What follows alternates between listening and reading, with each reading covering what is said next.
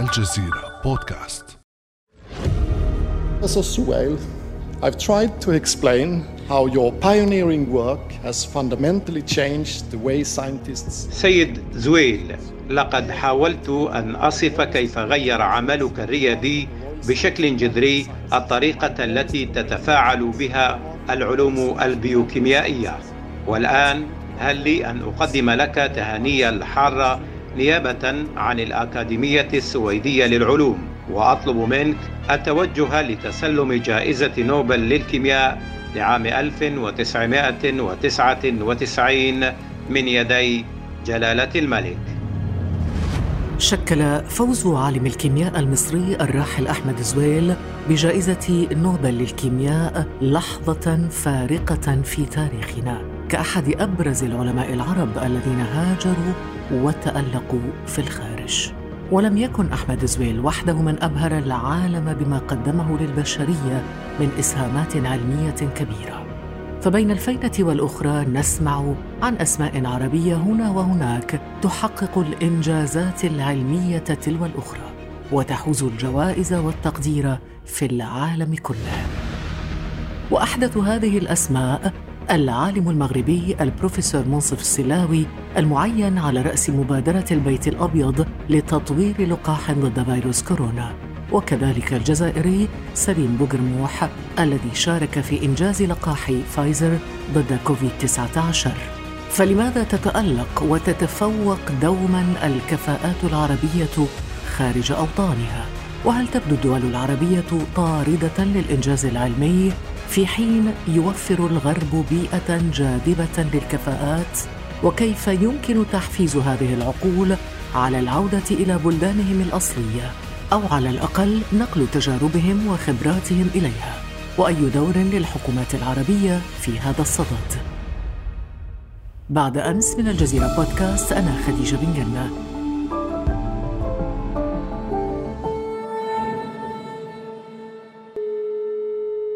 واسعد اليوم بانضمام الدكتور رشيد اليزمي المهندس والمخترع المغربي المقيم بسنغافورة إلينا في هذه الحلقة وهو المتخصص في مجال تطوير البطاريات التي أحدثت طفرة نوعية في مجال الإلكترونيات المحمولة خاصة الهواتف. سعداء جدا بانضمامك إلينا دكتور رشيد اليزمي صباح الخير. صباح النور. دكتور رشيد اليزمي نبارك لك طبعا تألقك العلمي ونفاخر بك اختراعك الجديد في مجال البطاريات لافت جدا. والحقيقة أننا كلما سمعنا عن عالم عربي تألق خارج الديار نشعر بالفخر ونتساءل في ذات الوقت لماذا لم يفعل هذا العالم ذلك في بلده؟ لماذا يهاجر العلماء العرب وأنت منهم خارج أوطانهم؟ سافرت إلى فرنسا كان عمري 19 سنة. في سنة 1972 وما كنتش ناوي تماما أن ما نرجعش المغرب كان الهدف ديالي وهو ناخذ دبلوم الهندسة ونرجع للمغرب. ولكن الأمور بشوية بشوية تبدلت. وأول وجهة كانت باريس؟ كانت روان في نورماندي. عشت فيها ثلاث سنوات ومن بعد مشيت لغرونوبل. في جنوب شرق فرنسا. خدت دبلوم المهندس. ومن بعد لقيت بأن عندي ميول للبحث العلمي. وطلبت واش يمكن لي نزيد نعمل في البحث العلمي من أجل الدكتوراه. وفي السنة الأولى للدكتوراه اكتشفت ما يسمى بالأنود يعني الطبق السالب لبطارية الليثيوم في الحقيقة تجربتك تجربة جميلة جدا وربما فكرت في لحظة من اللحظات أن تنقل هذه التجربة العلمية إلى المغرب؟ طبعا هذا كان يعني ما كنت ناوي أقوم به ولكن وقع ما وقع أن واحد الأستاذ فرنسي اقترح عليا ناخذ امتحان للدخول للمعهد الوطني للبحث للبحث وكان الحظ ديالي باش نكون يعني ننجح في هذا الامتحان قليل جدا أقل من 5% ولكن نجحت. ووقع لي يعني سؤال واش نبقى في فرنسا ولا نرجع للمغرب؟ هذا سؤال خطير دكتور رشيد. يعني السؤال المدوخ أنه أبقى هنا أم أعود إلى الوطن؟ ربما هذا السؤال يراود الكثير من العلماء العرب. دكتور رشيد اليزمي ربما البيئة العربية تعتبر إلى حد ما طاردة للكفاءات العلمية إلى درجة الاستخفاف بقدرات المبدعين والعلماء في الدول العربية. خذ مثلا المهندسة العراقية العالمية زهى حديد رحمها الله توفيت قبل سنوات لكن كانت مبدعة جدا في مجال الهندسة المعمارية وشهد لها العالم كله بنبوغها وتفوقها. لنستمع ماذا تقول عن استخفاف العرب بقدرات المبدعين والعلماء في الدول العربية. My biggest failure has been in the Arab world, to be honest. You know, um, Do you think by chance? أكثر مشاريعي فشلا كان في العالم العربي لأكون صريحة هل حدث ذلك بسبب الحد؟ لا أظن أن العرب لا يحترمونك بشكل كاف. Why? لماذا؟ لا أعرف هل لأنك امرأة؟ لا بل لأنني عربية العرب يحبون الأجانب لو كنت أمريكية لأحبوني رجلا أمريكيا بشكل خاص ما رأيك دكتور رشيد بكلام المهندسة زهى حديد؟ حقيقة أن هذه يعني مسيرة شخصية صعب باش يمكن لي نحكم لأن ملي تيطلع المستوى ديال البحث العلمي الهيكل يكون البحث العلمي تيولي أصعب فأصعب. الآن الأشياء تبدلت. يعني آه، أنا زرت بعض يعني جامعات في آه، في الشرق الأوسط ولقيت أن عندهم الآلات اللي يعني ما كاينينش في أمريكا. يعني المشكلة برأيك هي مشكلة إمكانيات أم مشكلة قلة وعي بأهمية البحث العلمي والباحثين والعلماء؟ تنظن أن هذه بجوج يعني متلاصقين. ملي ما تيكونش الوعي بأن خص يعني نطوروا البحث العلمي إذا ما كاينش الأشياء اللي عندنا بها الغرض باش نقوموا بالعمل ديالنا كباحثين. كاينة حاجة أخرى نبغي نعم. نزيدها. أنا ملي كنت في أمريكا عشت 10 سنوات في California Institute of Technology Caltech وكان يعني ال- الأصدقاء ديالي والزملاء ديالي الأساتذة كلهم عارفيني مغربي. ولهجتك مغربية. لهجتي مغربية ولكن كنت أتكلم معهم طبعا. بالإنجليزية. ونقول لك صراحة أنهم كأجنبي كانوا يحترموني جدا. لا تيقول هذا السيد هذا قام بواحد يعني مجهود أنه خلى بلادو وجا لعندنا باش يساعدنا في هذا الشيء ديال البحث العلمي إلى آخره. هي قالت بأن لو كنت امريكيه لاحبوني وأنا أقول لأنني كنت مغربيا أحبوني. لأنك مغربي دكتور رشيد اليزمي رحبوا بك في أمريكا ورحبوا بك بفرنسا ورحبوا بك بسنغافورة وبإسهاماتك العلمية. لكن ما تريد أن تقول زهى حديد رحمها الله هي أنه لو كنت عربيا في دولة عربية سيستقبلون الكفاءة الأمريكية والغربية وربما يستخفون بالكفاءة العربية. هذا ما كانت تريد قوله. في كل هذه البلاد التي عشت فيها الأجنبي يحترم أكثر من الوطني ملي كنت في اليابان كانوا عديد من اليابانيين تيبغيو ياخذوا صورة معايا باش يقولوا الطلبة ديالهم أنا تصورت مع واحد الإنسان ماشي ياباني إذا معترف به ونحن سنقول في يوم من الأيام نحن سجلنا بالصوت. ما عندنا صورة معك دكتور. لكن سنقول أنه في يوم من الأيام سجلنا معك مقابلة على ال- البودكاست طيب لو تخيلنا أنه البروفيسور أو الدكتور رشيد اليزمي عاد إلى المغرب وزهى حديد رحمها الله كانت قد عادت إلى العراق والبروفيسور نور الدين مليكشي عاد إلى الجزائر والدكتور أحمد زويل رحمه الله عاد إلى مصر هل كان كل هؤلاء كنتم ستبدعون فعلا في أوطانكم؟ يعني قبل قليل أنت قلت أنه في مشكلة إمكانيات ولكن الإمكانيات تتعلق بوجود الغلاف المالي أو الميزانية وشراء الآلات والآلات ربما تشترى وهذه ليست مشكلة لأنه عدد كبير من الدول العربية لديه الإمكانيات المالية تشتريها وتضعها في غرف ولكن ماذا عن العنصر البشري وقيمة العنصر البشري العلمي في أوطاننا؟ أظن أن أستاذ أحمد زهيد كان زميل ديالي في كالتك كنت زعما تنعرفه مزيان. عشرة. يعني كان حاول عدة مرات بالرجوع إلى مصر ولا على الأقل يقوم بواحد المشروع في مصر. أنا بالنسبة لي شخصيا الآن اليوم ولا البارح كان واحد الخبر أن إن شاء الله في السنة المقبلة سنفتح واحد المختبر جديد في البحث في البطاريات في مدينة فاس.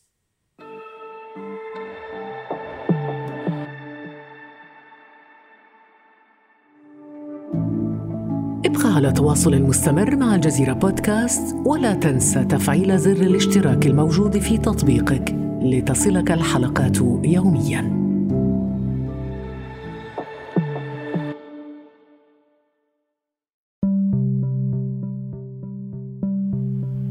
دكتور رشيد اليزمي ربما تابعت معنا ومع العالم تلك المحاولات خصوصا في المرحلة الأولى لانتشار فيروس كورونا كيف كان يسعى العالم لإيجاد لقاح لفيروس كوفيد 19 وتابعنا جميعا تلك الزيارة للرئيس الفرنسي إيمانويل ماكرون إلى المختبر الطبي الذي يشرف عليه العالم الفرنسي ديدي غاولت في مدينة مارسيليا والمفاجأة التي كانت بانتظار ماكرون حين اكتشف أن أغلبية فريق البحث الذي كان يقوده ديدي راولت هم من المهاجرين.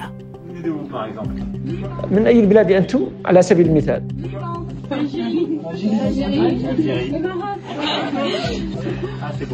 آه هذا جيد.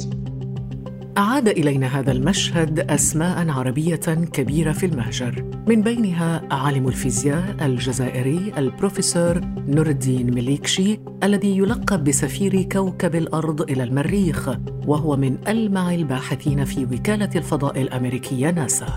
ما زلنا نخدم على المريخ مع ناسا وما زلنا نخدموا على السرطان. وعندنا يعني مشروع جديد هنايا ملي جينا لهنا. المشروع هو مع National Nuclear Security ايجنسي كيفاش يخدم حاجة نووية ولكن من بعد وتتعدد شهادات زملاء البروفيسور نور الدين مليكشي على أهمية عمله كنموذج يحتذى به في نبوغ وتألق العلماء العرب في المهجر. إنه يقدم تجربة عالمية. الدكتور ماليكشي عالم ذائع الصيت في مجاله. معروف على مستوى العالم في مجال البصريات والفيزياء. وسيتم استخدام تقنيته في المريخ وسيكون مشاركا في المشروع. وهذا ملهم للغاية. وهو ممن يضرب بهم المثل. اشرح لنا قليلا دكتور رشيد أسباب نبوغ ونجاح العلماء المهاجرين طبعا في الخارج، هل هو عامل البيئة المحفزة على البحث العلمي أم عامل إمكانيات أم كيف تصفها أنت؟ يعني بين التجربة ديالي في جوج البلدان في أمريكا والآن في سنغافورة. ملي كنت في أمريكا في المختبر فاش كنت أنا أعمل ابحث تقول لك أكثر من 80% من الباحثين أجنبيين مش أمريكيين اذا هذا ماشي يعني جديد هذا مع معروف أن خصوصا في كاليفورنيا قليل من الشباب يبغيو يعني يمشيو للبحث العلمي وكل شيء تعرف بأن الباحث العلمي ما عندوش يعني مدخول مادي كبير. النصيب ديالو ماشي عالي جدا. وفي سنغافورة في هذا يعني Nanyang Technological University فاش أنا كنت أعمل أكثر من 30% من الأساتذة الاساتذه أجانب. هذا خص الواحد يعرف بأن هذا الشيء غير يعني تخص العرب أي بلد. هذا مشكل يعني عالمي. أن اولا الجامعات تبحث على الناس اللي عندهم المؤهلات وعندهم يعني آه، واحد آه، معترف بهم عالميا في الإطار ديالهم تيبغيو يجلبوهم. وباش تيجلبوهم طبعا أنا كنت في كاليفورنيا وجلبوني لسنغافوره لأنهم زادوني يعني في في السالير ديالي آه، الشهري. اذا قبلت ما كاين مشكل. نعم. اذا هناك حافز مادي. الحافز المادي اللي دفعك إلى الذهاب إلى سنغافورة. هذه نقطة مهمة يعني نناقشها أيضا في هذه الحلقة وهي مدى وجود يعني حوافز مادية تدفع الطالب العربي أو العلماء العرب إلى الهجرة إلى الخارج وإلى الغرب تحديدا الولايات المتحدة الأمريكية أو الدول الأوروبية أو سنغافورة حيث أنت لأنه هناك فعلا مردود مادي يستحق فعلا أن يهاجر من أجله هذا العالم. الجانب المادي مهم ولكن ماشي هو الأهم. مشيت يعني ل California Institute of Technology لأن السمعة ديال California Institute of Technology عالية جدا. كالتك كان دائما مصنف ما بين الخمسة أعلى جامعات في العالم في البحث العلمي. من بعد يمكن لهم يرجعوا يمشيوا لبلاد أخرى ويقولوا بأن عملوا واحد خمسه سنوات ولا عشرة سنوات في واحد المعهد معروف جدا. نعم لكن يمشي لبلاد أخرى دكتور بتعبيرك ولكن لا يذهب إلى بلده تنشوف بأن الأشياء بشوية بشوية كتحرك. تنظن هذا الشيء هذا نشوفهم دابا إن شاء الله واحد الخمس سنين ولا عشر سنين كيفاش الأشياء كتبدل بشوية بشوية. وهذا الشيء يبعث على التفاؤل. أنا أنا متفائل جدا.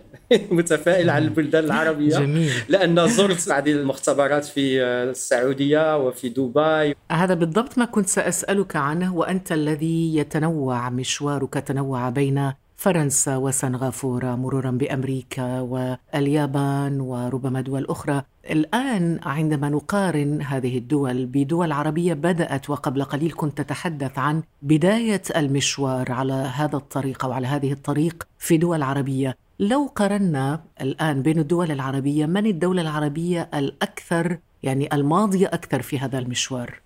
أظن الامارات بالنسبة لي رقم واحد يمكن قطر. هما عندهم يعني مشاريع مهمة جدا لأن عندهم الإمكانيات. زرت واحد المخبر ولقيت أن كاين عندهم آلات اللي تتسوى الملايين ديال الدولارات. فهمت بأن هذوك الناس فهموا بأن خصهم لازم يستثمروا في الأشياء العالية باش ذاك البحث العلمي ديالهم ولا النتائج ديالهم تكون مقبولة من طرف مجلات المتخصصة في الميدان ديالهم. هناك أيضا علماء عرب حاولوا الرجوع إلى أوطانهم. دعنا نستمع إلى الدكتور أحمد زويل رحمه الله وهو يتحدث عن العودة إلى الوطن. أنا ابن هذا الوطن الغالي الذي أعطاني الكثير وأريد أن أعطيه ما حصلت عليه من معرفة وخبرة لينهض قبل أن أفارق الحياة.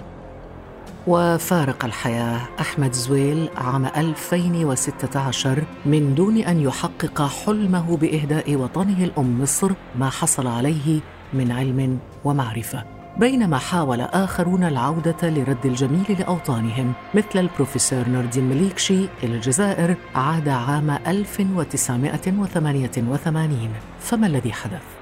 دخلت الجزائر لأني حبيت نعمل الخدمة الوطنية تاعي وتمشيت لجامعة باب الزوار جامعة آه، اللي قريت فيها انايا كمدرس وكباحث. وكان يعني في نيتي نبقى إن شاء الله في في باب الزوار ونكمل نقرأ ونديروا مخبر ثم جديد مع التلاميذ. ولكن بالأسف كانت مشاكل كبار. فتنقلت لأمريكا. لفتني جدا كلمة للأسف دكتور رشيد اليزمي. للأسف أنه عاد. لماذا للأسف؟ هل لو فكرت أنت في العودة دكتور رشيد إلى المغرب ستشعر ربما أيضا بالأسف لأنه لن تجد تلك البيئة العلمية البحثية التي تؤهلك للعمل وللإبداع هناك. حقيقة أن الرجوع إلى الوطن خصو يكون تدريجيا. إلا كان الواحد يعني في أمريكا ورجع يعني ما بين يوم وضحاها إلى البلد بطبيعة الحال هذا يوقع له شيء يعني غريب جدا. تنرجع للمغرب كل سنة ثلاثة ولا أربعة المرات وتنعطي محاضرات وتنتلاقى مع الأساتذة الأصدقاء ديالي بدون أن يكون عندي يعني واحد شي مشروع كبير ولا شي حاجة غير يعني التواصل كان دائما عمره ما انقطع. من خلال هذا التواصل المستمر يمكن أن تفيد بلدك الأصلي بدون ما تنتقل إليه للإقامة هناك. طبيعة الحال أنا متفق معك. ماشي لازم يرجع. يعني للبلاد ويعيش فيها 100% يمكن يرجع تدريجيا. يمكن يدير 30% ولا بشويه حتى يوصل ل 50 75% ويمكن يوصل ل 100% علاش لا؟ نعم خصوصا في ظل العولمة الآن وكل شيء أونلاين. يعني فيمكن أن يقدم الكثير الآن عبر التواصل الإلكتروني أيضا. ولكن ماذا على الحكومات أن تفعل دكتور رشيد؟ وهل ترى أن هناك نماذج إيجابية حكومية في العالم العربي في جذب علماء عرب في الخارج والاستفادة منهم ومن إسهاماتهم في الداخل؟ أن يكون يعني واحد حل مشروع يتفقوا عليه ويمولوه ونعرفوا شكون هما الكفاءات فين كاينين وكيفاش يمكن نتصلوا بهم وكيفاش نسولوهم ما هي الظروف اللي يمكن لها تتيح لك باش ترجع للبلاد بالمناسبة دكتور هناك تجربة قطرية رائدة في هذا المجال. هناك ما يسمى بمؤتمر العلماء العرب المغتربين. مؤتمر سنوي طبعا الآن مع كورونا لم ينظم. ولكن هذا المؤتمر تحت رعاية مؤسسة قطر للتربية والعلوم وتنمية المجتمع. يعقد سنويا ويأتي إليه علماء عرب من المهجر بكثافة للمشاركة بمشروعات بحثية. عجيب. قطر تقوم بواحد العمل هائل. من هذه الناحية هذه كنا نشكروهم على هذا الشيء هذا ونشجعهم طيب أنا أريد أن أختم معك دكتور رشيد اليزمي بتجربتك الشخصية أنت. طبعا أنت اخترعت شيء جميل جدا ولكن لم نتحدث عنه في هذه الحلقة. لو تعطينا فكرة عن اختراعك وهل يمكن أن تنقل هذا الاختراع إلى المغرب؟ الاختصاص ديالي الأول كان في علوم المواد والآن بديت سنهتم بالذكاء الاصطناعي artificial intelligence. وباغي يعني الأشياء اللي تقوم بها في هذه السنوات القليلة وهي نزيدوا واحد العقل إلكتروني للبطاريات باش يمكننا نستعملوها في أجمل الظروف. الأول منها وهي السلامة. هذا من الأشياء التي أقوم بها. وثانيا بالنسبة للسيارات الكهربائية كاين مشكل كبير وهو شحال ديال الوقت تتطلب باش نشحنوها. والآن يعني أكبر الشركات العالمية كتشحن البطارية في أكثر من 60 دقيقة والاختراع ديالي الجديد وهو أنني استطعت باش نشحن البطاريات في أقل من 20 دقيقة. اذا آه، هذا اختراع اللي غادي يجعل إن شاء الله السيارات الكهربائية تستعمل أكثر فأكثر. نعم شجعتنا دكتور على شراء سيارات كهربائية. لأن فيها بطاريات الليثيوم. محافظة على البيئة واختصارا الآن نربح الوقت بشحن البطارية في 20 دقيقة والبطارية تدوم كم؟ يعني مسافة كم ممكن تتحمل؟ على حسب يعني التجارب اللي قمت بها عندي بطارية تستعمل في السيارة الكهربائية والى جمع العدد ديال الكيلومترات التي قامت بها هذه البطارية 250 ألف كيلومتر واو يعني إذا شحنتها لمدة 20 دقيقة هذا الشحن ممكن يتحمل مسافة كم تقريبا؟ كل 20 دقيقة تعطيك 500 كيلومتر. شيء خطير. هذا اختراع بصراحة مشجع جدا جدا على شراء سيارة كهربائية. أعتقد أنه البروديوسر عائشة والمخرج ليام بعد هذه الحلقة مباشرة سنذهب إلى محل شراء سيارة كهربائية. حفزتنا دكتور. طيب هذا المشروع هل يمكن أن تنقله إلى المغرب دكتور رشيد؟ إلى المغرب إن شاء الله في السنة المقبلة. وذلك لتدشين مختبر جديد في البحث العلمي في البطاريات في مدينة فاس. وهذا باتفاق وبتضامن مع أربعة جامعات ومختبر غادي يكون تخصص في ما يسمى البطارية الذكية للمستقبل التي سوف تستعمل في السيارات الكهربائية خصوصا. في هذا المختبر غادي ندير واحد البراءات ديالي باش ننشئوا خبراء والناس المختصين في مجال البطاريات في المغرب والمغرب له حاجة كبيرة في البطاريات إن شاء الله. هذا جميل وهكذا نكون قد أجبنا على السؤال الجوهري والأساسي في هذه الحلقة وهو كيف يمكن للدول العربية أن تستفيد من نجاحات وإبداعات العلماء العرب المهاجرين في الخارج أشكرك جزيل الشكر دكتور رشيد اليزمي المهندس والمخترع المغربي البارز والمقيم في سنغافورة. طبعا إحنا اقتطعنا جزء مهم من وقتك وأنت عندك محاضرة الآن. شكرا جزيلا لك على هذا الوقت. مرحبا بك. شكرا شكرا على الاستضافة. شكرا لك. يمكنكم الاستماع للمزيد من الحلقات الشيقة من الجزيرة بودكاست عبر مختلف تطبيقات بودكاست. كان هذا بعد أمس.